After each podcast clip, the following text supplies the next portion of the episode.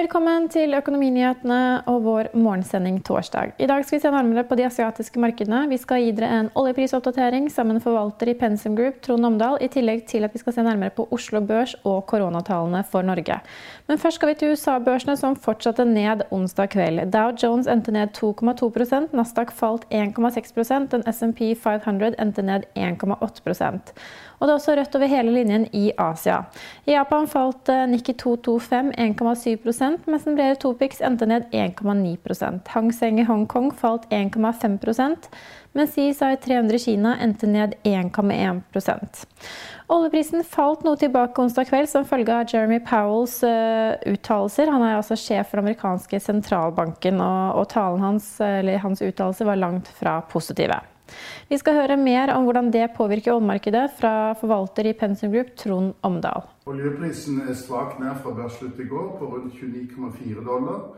Um, og det er Jeff, uh, Jeremy Powell, uh, US Feds chair sin tale i går, som påvirker markedssentimentet der du advarer om usikkerhet i økonomien og nedsiderisiko. Det til tross for at uh, EIA sin lagertallrapport er den mest positive vi har sett med god margin hele året. Eh, eh, Oljelagrene falt, bensinlagrene falt, og totallagrene òg var nær. Til sammenligning så økte totallagrene på det verste eh, med 33 millioner fat på en uke, og, olje med 19 for fire uker siden. Cushing, dette prisingpunktet ved VTI, var òg nær 3 millioner fat. Prisene spratt opp eh, rett etter eh, til 30,4, men falt tilbake etter talen til Powell. Eh, produksjonen falt om med 300 000, og en 1,4 millioner fat bare på litt over en måned. Så en veldig positiv lagertall. lagerrapport. Distillatetterspørselen er nå oppe på normalnivå. Bensin opp. Så nå er bensin, oljeforbruket steg 1,5 million fat forrige uke, nå på 16,8. Det er eh, mot 19, litt over 19 for et år siden. Så det er altså bare ned 14% På det verste var det ned over 30% Så altså en veldig positiv eh, tall, men det var ikke nok. Eh, vi tror at det er det at vi etter en konsolidering at prisene skal videre opp.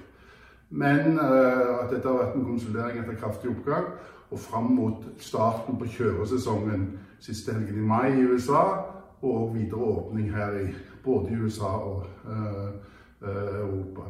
Nøkkelen i dag blir IA kommer med sin månedsrapport. Den var veldig negativ for en måned siden. Selv satte i gang en korreksjon. I dag tror vi at de må oppjustere uh, noe etterspørselen.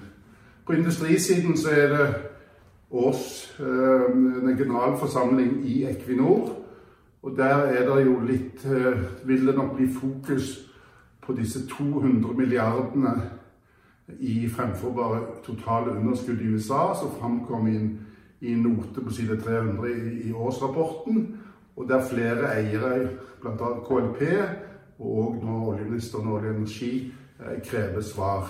Eh, så det kan òg bli fokus. og der eh, De ansatte representantene i går var ute på NRK Dagsrevyen og krevde den internasjonale sjefen Torgrim Reitan sin avgang.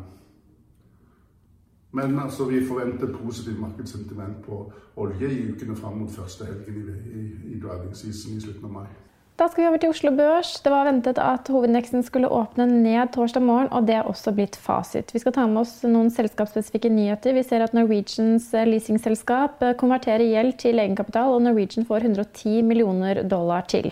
Videre har Lerøy Seafood lagt frem tall og fikk et resultat etter skatt på 127 millioner i første kvartal, mot 467 millioner i samme kvartal i fjor.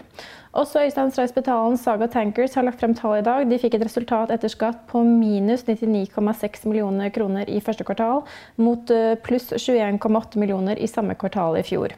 Vi ser også at Fredrik Moen selger aksjer for 887 millioner i fjor igjen til Sevik-familiens Havila.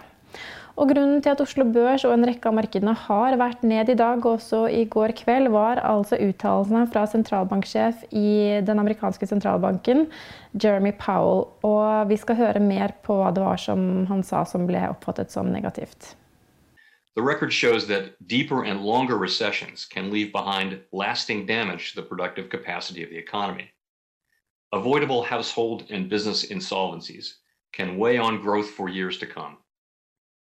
Long stretches of unemployment can damage or end workers' careers as their skills lose value and professional networks dry up, and leave families in greater debt.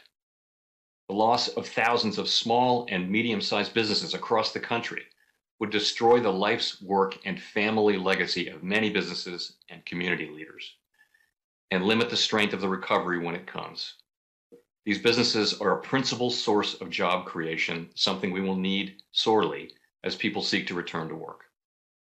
A prolonged recession and weak recovery could also discourage business investment and expansion, further limiting the resurgence of jobs as well as the growth of the capital stock and the pace of technological advancement. The result could be an extended period of low productivity growth and stagnant incomes. We ought to do what we can to avoid these outcomes, and that may require additional policy measures. At the Fed, we will continue to use our tools to their fullest until the crisis has passed and the economic recovery is well underway. Recall, though, that the Fed has lending powers, not spending powers. A loan from a Fed facility can provide a bridge across temporary interruptions to liquidity, and those loans will help many borrowers get through the current crisis. But the recovery may take some time to gather momentum, and the passage of time can turn liquidity problems into solvency problems. Additional fiscal support could be costly, but worth it if it helps avoid long term damage and leaves us with a stronger recovery. This trade off is one for our elected representatives who wield powers of taxation and spending. Så til de ferskeste koronatallene før Norge. Akkurat nå er det 8168 som er testet og bekreftet smittet av viruset. Vi har 62 innlagt på sykehus og 229 døde. Vi skal høre at eh, WHO mener vi må regne med at covid-19 blir en del av hverdagen. This virus may become just another endemic virus in our communities, and this virus may never go away. HIV has not gone away, but we've come to terms with the virus and we have found the therapies and we've found the prevention methods and people don't feel as scared uh, as they did before and we're offering life to people with HIV, long, healthy lives to people with HIV. Uh, and I'm not comparing the two diseases, but I think it is important that we're realistic. And I don't think anyone can predict when or if this disease will disappear. We do have one great hope. If we do find a highly effective vaccine uh, that we can distribute to, uh, to everyone who needs it in the world, we, we may have a shot at eliminating uh, this, uh, this uh, virus. Um, but that, that vaccine will have to be available, it will have to be highly effective, it will have to be made available to everyone, and we will have to use it. Det var alt vi hadde i dagens morgensending. Vi er tilbake klokken 15.30. Da har vi bl.a. med oss et videointervju med forvalter og investeringsdirektør i Odin, Vegard Søreaune. Følg med vår løpende nyhetsdekning på finansavisen.no, og morgensendingen er tilbake i morgen tidlig klokken ti. Økonominyhetene er en podkast fra Finansavisen. Programledere er Marius Lorentzen, Stein Ove Haugen og Benedikte Storm Bamvik. Produsenter er Lars Brenden Skram og Bashar Johar. Og ansvarlig redaktør er Trygve Hegnar.